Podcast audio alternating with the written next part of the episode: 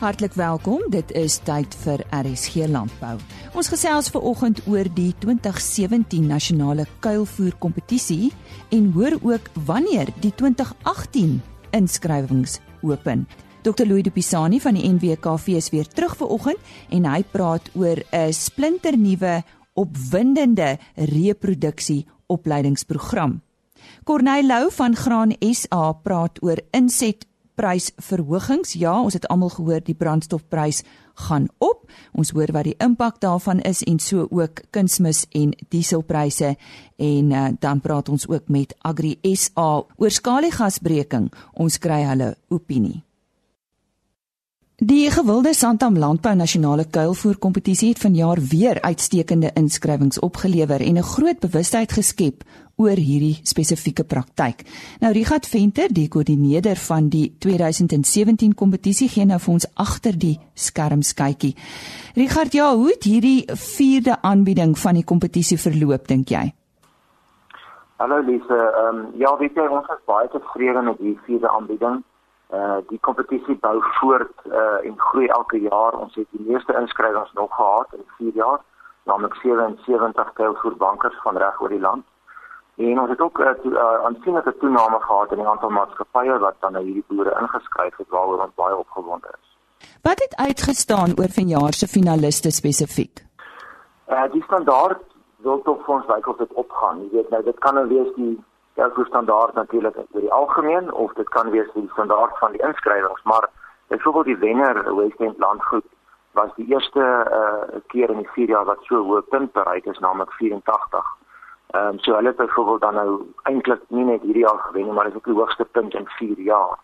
Uh, ook ons tweede plek uh, Gordon Brown van Bag Africa. Hy het tweede gekom met 'n kuilvoer sak.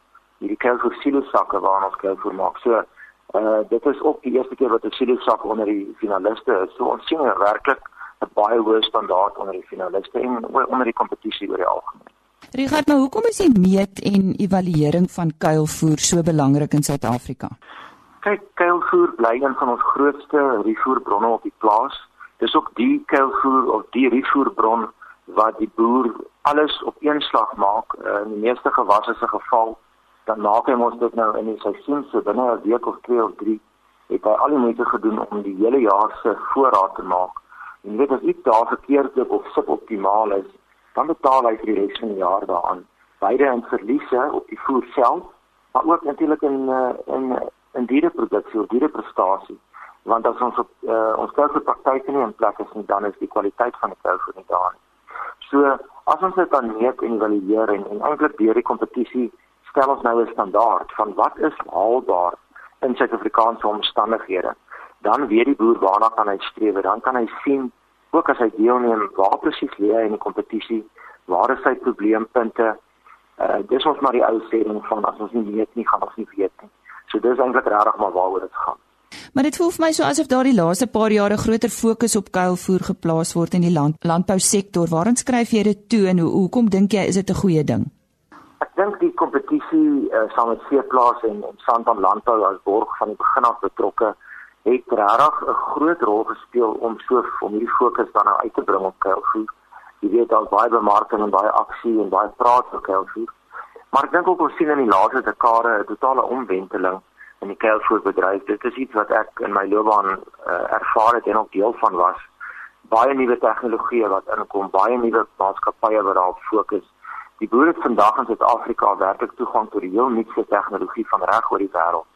Of dit nou bakteriese inokulante is of nuwe soorte plastiek tegnologie waarmee die kuilvoer toegemaak word, soos die suurstof uh, weerende plastiek en of dit nou uh, masjinerie tegnologie of sny tegnologie uh hoe ons die plante en die uh, beter en meer optimaal opkerf.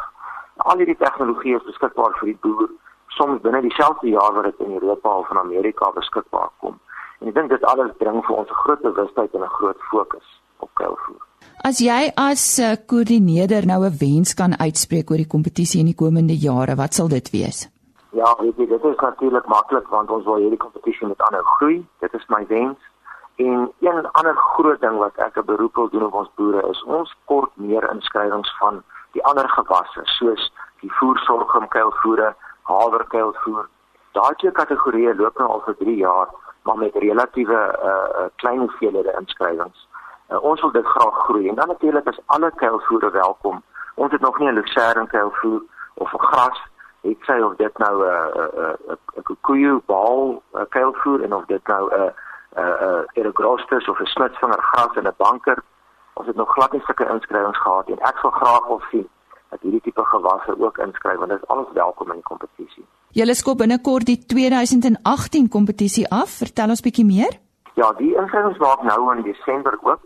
Uh ons wil graag die haver kuilvoer inskrywings vir die Weskaap area afhandel teen Februarie omdat ons hulle wil apart uh bemonster so in April al want dan het die meeste van die boere daarom nog van daai kuilvoer hoor. In die verlede het ons baie keer 'n bietjie laat in die sampling en met die bemonstering begin vir die hawers in die Kaap, so ons wil dit voordoen. En dan die mieliekuilvoer maak ook nou oop, maar ons sluit hom eers in, in April en dan wil ons in Junie maand wil ons bemonster. So uh, ja, ons is opgewonde. Die belangstelling lyk positief en die kompetisie is op die punt om nou af te skop. Ja, het daar gesels met Richard Venter, hy is die koördineerder van die kuilvoer kompetisie wat jaarliks aangebied word, natuurlik uh, geborg deur Santam Landbou en ook uh, Plaas Media. Ons uh, gaan nou gesels oor skaliegasbreking. Nou die skaliegasontginning in die Karoo en elders in Suid-Afrika uh, het verskeie kere in die loop van die jaar uh, in die nuus gekom. En Agri SA het sy teenkanting hieroor uitgespreek. Ons praat nou met uh, met Jansen Rabbi van Natuurlike Hulpbronne by Agri SA. Wat is die uh, onlangse verwikkelinge met betrekking tot tot skadigas in Suid-Afrika Jansen? En ja, daar was twee interessante verwikkelinge gewees rondom rondom hierdie verskynsel. Die eerste was die toekenning van omgewingsmagtiging deur die minister van minerale hulpbronne aan Rhino Oil and Gas. Vier van hierdie omgewingsmagtigings het gestryk het oor Noordwes provinsie, Vrystaat, KwaZulu-Natal en Oos-Kaap gestaamlik amper 2.4 miljoen hektaar se grondoppervlakte te geaffekteer het. Agri SA het die standpunt geneem dat dat dit gestop moet word um, en het appel appel aangeteken teen uh, teen hierdie vier um, omgewingsmagtigings. Die omgewingsmagtigings of die appel op die omgewingsmagtigings gaan nou aangehoor word en ons verwag dat daar bespreek sal wees daarop nadat daar daar natuurlik geleentheid gegee word aan aan Rhino Oil and Gas om om hulle uh, siening of hulle vertoon te lewer. En dan verwag ons dat daar uitslag sal wees wat deur die minister van omgewingsake gemaak gaan word vroeg in hierdie jaar. Die tweede interessante ding wat plaasvind het min of meer dieselfde tyd, was dat in die Oos-Kaapse Hooggeregshof daar 'n uitspraak was deur regter Gerald Bloem rondom die tegniese regulasies rondom uh, petroleum eksplorasie en, en uh, ontwikkeling of produksie waarin die die ag die die Ooskaapse Hooggeregshof uitdruklik gesê het een daar's 'n wesenlike risiko wanneer dit kom by hidrobreking wanneer dit gaan oor omgewingskwessies water um, lugbesoedeling grondbesoedeling en so en dis meer. En dat die uh, tegniese regulasies wat hierdie minister van mineraalbronne weer eens uh, uitgevaardig is um, dat dit tersyde gestel moet word. Dit is 'n geweldige terugslag vir die minister van mineraalbronne uh en, en daar is natuurlik nou steeds besluit gewees om of hy dan die hofsaak sal appeleer of nie en, en soos ons verstaan het uh, is die die verlofte dat dan ook toegestaan.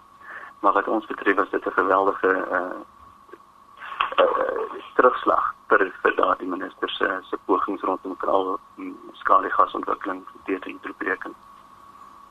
En die aard van die saak is Agri SA gekant teen hidrobreking. Uh, hoekom? Ja, ons het hierdie ons kan nie anders doen as om om 'n besluit te maak rondom spesifiek die, die kwessies van waterbeskikbaarheid en natuurlik die kwessies rondom waterbesoedeling. Dit is dit is redelik voor die hand liggend is dat die regering nie vir ons aanduiding gegee van waar die water vandaan gaan kom nie. Ons weet dat ons waterhulpbronne ten volle geallokeer is en dat wanneer hierdie industrie self al al hierdie nou 'n langtermyn of 'n lang aanloop en dat hierdie industrie geweldig waterintensief is tot die mate dat die departement van waterwese die WNR almal sê maar die water is nie beskikbaar nie. En tog wil dit ons voorkom as die regering volstom voortgaan met hierdie ontwikkeling van 'n van 'n skaliegasbedryf in Suid-Afrika. Die tweede ding wat daarmee saamgaan is is dat soos ek nou nog genoem het is dat dit die minister van mineraalhulpbronne was wat omgewingsmagtiging gegee het vir die eksplorasieregtoekennings. Nou dit skep vir ons 'n geweldige ongelyke speelveld. Dit dit maak nie sin dat jou minister van mineraalhulpbronne omgewingsmagtigings toeken. Wie is waar nou rondom die ontwikkeling van van 'n petroleumindustrie? Maar weer eens dit dit maak nie sin dat 'n minister wat se taak primêr is om om petroleum en mineraalontginning in Suid-Afrika te bevorder, ook die owerheid is of die gesag is wat omgewingsmagtigings toeken dit behoort tog sekerlik die minister van minder ag van omgewingsake te wees. As dit die geval ook is dat jy 'n uitsondering kan maak vir die minister van mineraalhulpbronne om omgewingsmagtigings te gee. Ons staan nie vraag om onmiddellik maar waarom is dit nie byvoorbeeld die minister van landbou wat omgewingsmagtigings vir landbou aanbiede aangee nie. Nou dis nie wat ons voorstel. Ons sê die bevoegde autoriteit vir omgewingsmagtigings behoort die minister van omgewingsake te wees. Maar hierdie situasie waar minister van mineraalhulpbronne die autoriteit is, maak ons glad nie sin en ook eintlik van ons wetboeke afgeskraap te word. En, en kan Jan en almal iets daaraan doen? Ja, ek dink dit is die die behoud gewees van die hele situasie tot nou toe rondom kontroversiële mineraal uh, ontwikkelings op energieontwikkelings in Suid-Afrika.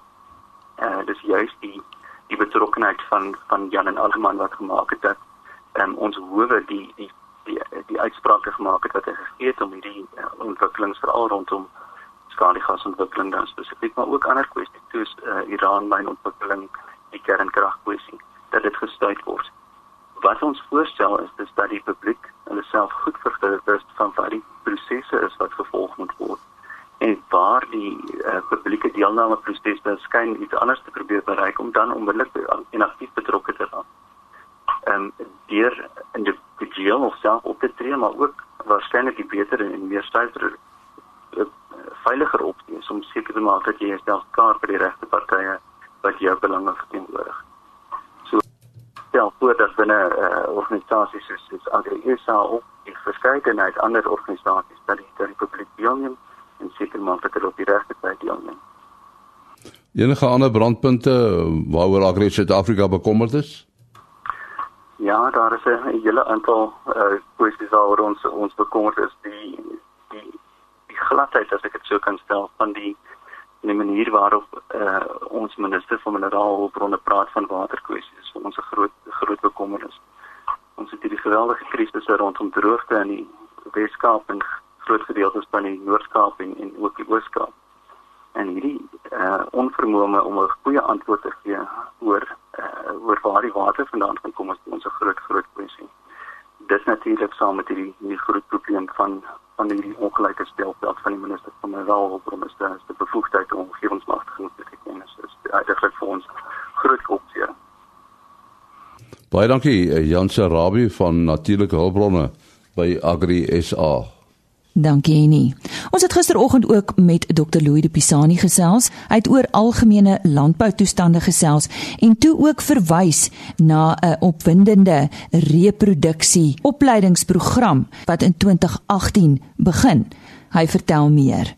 Lise, ja, jy jy gebruik die regtig die die regte term het te sê dis opwindend. Uh ons by die NKV is ook baie baie opgewonde oor hierdie opleidingsprogram. Nou miskien moet ek net voor begin. Uh die NWKV uh, bied 'n uh, pro produsente uh, adviesdiens aan aan die wolboere van Suid-Afrika. Alle wolboere of jy nou lid is van die NWKV of nie. Uh en dit word gefinansier uh, deur die Wol Trust. Uh maar die uh die kontrak word uh, uitgegee deur die deur Cape Wools Suid-Afrika. Uh en ons het uh, die 1 Julie met die heel nuwe kontrak begin. Dit is 'n 2 2 jaar kontrak en dis 'n baie baie opwindende kontrak. Ons is so opgewonde oor die kontrak. En ek een van die een van die vlaggenskap projekte in daai kontrak is 'n 12 maande opleidingsprogram vir wolboere waar ons hulle gaan help om uh hulle lammeroeste te verbeter. Nou hoekom wil ons die wolboere se lammeroeste verbeter? Ons weet uit ons uh, ekonomiese studiegroepe uit is dat reproduksie van die ooikudde is 'n baie baie sterk drywer van winsgewendheid. So as jy die reproduksie kan verbeter, uh dan dan verbeter jy die die winsgewendheid uh, van van jou kudde. En daarom is ons so opgewonde daaroor. Nou, dis 'n 12 maande opleidingsprogram. Uh maar maar die program word nie nou, dis nie 'n voltydse program nie, dis 'n deeltydse program. Uh ons gaan dit aanbied vir klein groepe boere en die boere gaan so tussen 5 tot 7 keer oor die opleidingsperiode bymekaar kom en hulle gaan bymekaar kom by mekaar op hulle plase en ons gaan elke een van hierdie byeenkomste so skeduleer dat dit saamval met 'n belangrike fase in die ooe se reproduksie siklus. En wat ons dan by elke byeenkoms gaan doen. Ons gaan daai 20% uh belangrike bestuurs uh, uh faktore gaan ons met die boere hanteer. Ons gaan vir hulle die nodige vaardighede aanlê. Uh ons gaan vir hulle kennis gee en die die doelwit is uh om meer wins te maak omdat hulle hulle ooikuddes se produksie uh maksimaliseer. Nou ons is regtig opgewonde daaroor. Ons het die afgelope 6 maande gespandeer om die kursus inhoud uh saam te stel uh om die uh die kursus die kursus materiaal saam te stel. Uh ons het dit nou voltooi. Uh ons is net besig om dit te vertaal in Engels uh want uh, die die die die boere gaan daai kursusmateriaal uh ontvang en hulle gaan dit kan saamvat huis toe sodat gaan in Afrikaans en Engels beskikbaar wees. Kom ons kyk net gou-gou na die verskillende stadia uh wat vir ons belangrik is en waaroor ons die boere graag uh, wil opleiding gee. Nou die eerste stadium is uit die hart van die saak uh, in die paarperiode. Uh en wanneer die boere dan die eerste keer bymekaar kom, gaan hulle so uh, uh, hulle gaan so 2 maande voor paring plaasvind. Gaan hulle bymekaar kom en hulle gaan al die belangrike uh, uh, faktore van paring van hulle met die boere hanteer. Dit sluit byvoorbeeld uh, goed in soos raamvoorbereiding, hoe belangrik die ooi kondisie en haar voeding is voor paring uh verskillende paarstelsels, prikkelvoeding, uh daai belangrike aspekte. Die volgende aspek wat ons aan aandag gaan gee is vroeë en middragtigheid. Nou kan dit wees dat sekere van hierdie boeregroepe besluit maar hulle wil sommer paring en vroeë en middragtigheid wil hulle sommer kombineer en dan uh by een byeenkoms uh dit hanteer. Die volgende een, die derde fase waarop ons baie klem gaan lê want uh, volgens dokter Jasper Kutse is dit die eerste maak en breek periode vir reproduksie en dit is laatdragtigheid. Ons gaan baie tyd spandeer aan laatdragtigheid. Uh laatdragtigheid is so belangrik uh vir reproduksie. Goed, dan lam die oeye en dan gaan ons uh met die met die boere so 2 maande voordat die oeye lam gaan ons uh, vir hulle opleiding gee en die nodige vaardighede aanleer van wat is belangrik tydens lamtyd en tydens vroeë laktasie. Uh daar gaan ons byvoorbeeld uh, aandag gee aan die oeye se kondisie en hulle voeding. 'n Baie belangrike faktor is uh, kruidvoer en die lam se voeding. Uh verskillende lamstelsels. Uh en dan gaan ons ook kyk na wat moet jy doen om die geboortekanaal en die endokriene stelsel te herstel uh na na lamtyd. Uh want jy wil graag hê dat daai ooi baie goed herstel nadat sy gelam het sodat sy met 'n volgende landtyd dan weer heeltemal gereed is. Die vyfde fase wat ons nou gaan kyk is midlaktasie. Uh en dit kan wees uh dat midlaktasie dalk met landtyd en vroeë laktasie uh gekombineer gaan word. Maar in in midlaktasie is daar een ding wat verskriklik belangrik is. Jy weet in midlaktasie neem die die die ooi se se uh uh se melkproduksie geweldig vinnig af. En dan moet daai lam uh begin vreet om om homself te kan handhaaf. So ons gaan baie baie tyd spandeer aan die uh uh belangrike aspekte rondom daai lam. Hy moet goed vreet sodat hy homself kan handhaaf. Dan die sesde uh aspek waarna ons gaan kyk is uh alles wat jy moet doen rondom speentyd.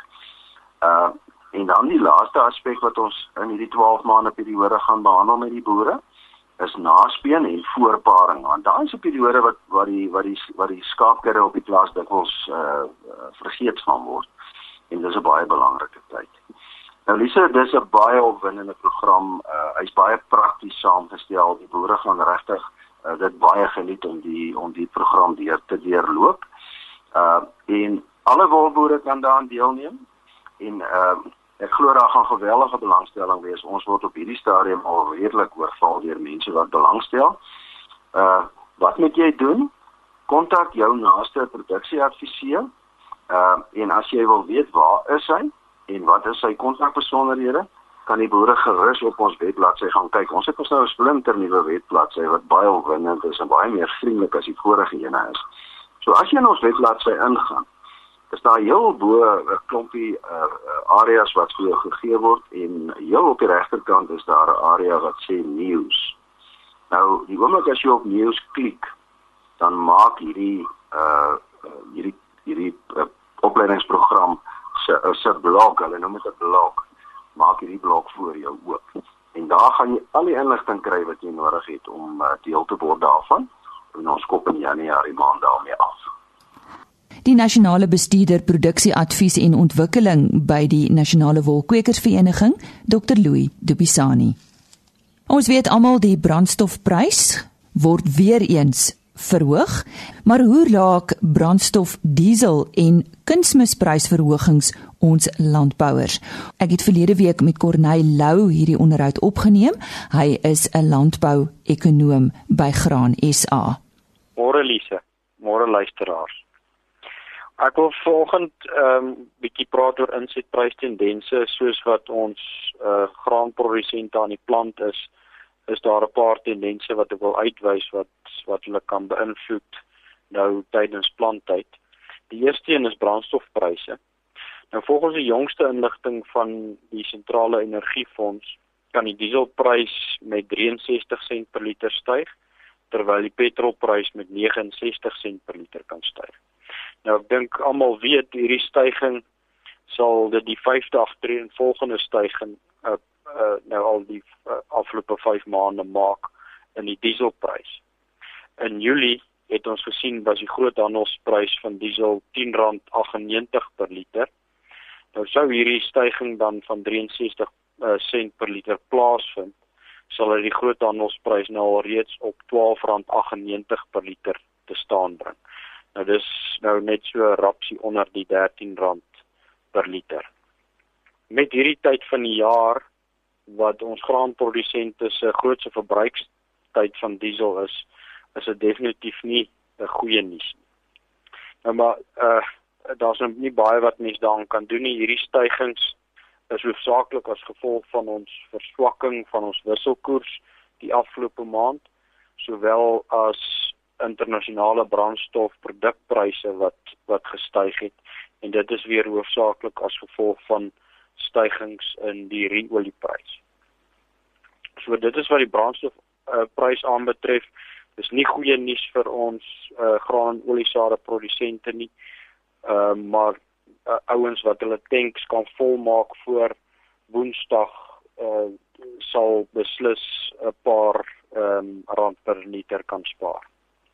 Goed Corneille, en omdat ons nou landbouers is, is kunsmis en um, ander chemiese materiale natuurlik van uiterse belang want dit is ook deel van uh, ons uh, kostes. Uh, hoe lyk die pryse? Wel ons ons grootste koste in die graanproduksie is is kunsmis.